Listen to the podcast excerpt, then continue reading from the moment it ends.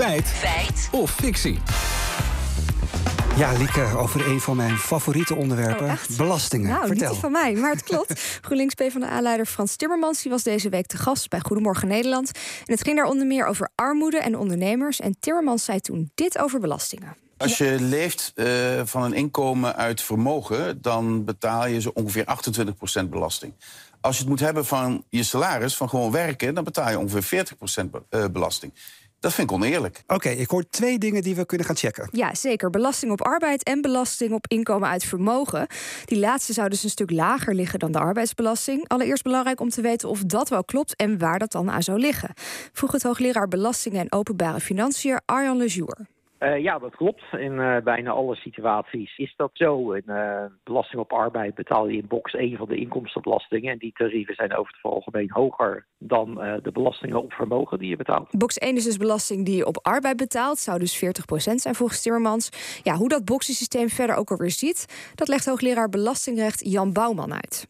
In de inkomstenbelasting heb je drie boxen.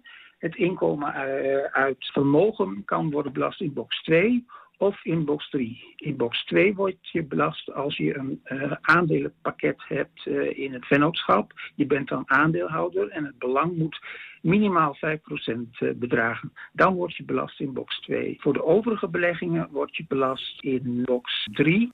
Oké, en weten we ook waarom Timmermans dit nou allemaal zegt? Ja, dat vroegen we ook aan Jan Bouwman. Timmermans eh, zou willen dat het eigenlijk met ingang van 2024 al door de huidige Tweede Kamer dan met name al een forse stap eh, wordt eh, gezet, eh, waardoor de belastingheffing over vermogen toch vrij fors toeneemt, om het zo maar te zeggen. En met name in de sfeer van inkomsten uit aandelen. Ja, er gaat nooit eens belasting omlaag. Dat is ook jammer. Maar is er sprake van inderdaad dat die vermogensbelasting omhoog gaat? Ja, zeker. En wat precies legt Arlen, Arlen Lejour uit?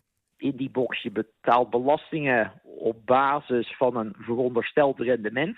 En nou, nu heeft de Hoge Raad gezegd dat dat niet meer mag. Dus sowieso moet dat veranderd worden. En daarnaast is in de laatste jaren ook het tarief wat omhoog gegaan. Eh, dat is nu 31 procent en dat gaat ook naar 33 procent.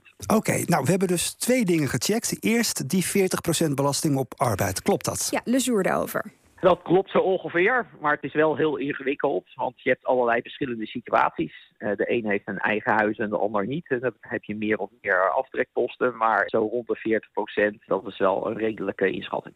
Ja, en dat geldt andersom voor mensen die een lager inkomen hebben. Oké, dat is één. Dan die 28% belasting op inkomsten uit vermogen. Is dat waar? Dat vroegen we aan Jan Bouwman. Als je bijvoorbeeld eh, aandelen hebt, is het zo dat je ook nog eh, rekening moet houden naast de inkomstenbelasting met de vennootschapsbelasting. En die eh, vennootschapsbelasting bedraagt afhankelijk van de hoogte van de winst 19 of 25,8 procent. Dus eigenlijk moet je die vennootschapsbelasting nog bij de inkomstenbelasting van box 2 en box 3 optellen, als ik het grof formuleer, om tot de werkelijke druk eh, te komen aan eh, op eh, inkomsten uit aandelen. Ja, en dat is dus twee uit twee als je rekening houdt met de vennootschapsbelasting. Beide hoogleraren waren het met elkaar eens. Het ligt vrij genuanceerd en ingewikkeld, maar je kan stellen dat Timmermans gelijk heeft, feit dus. Nou, kan Timmermans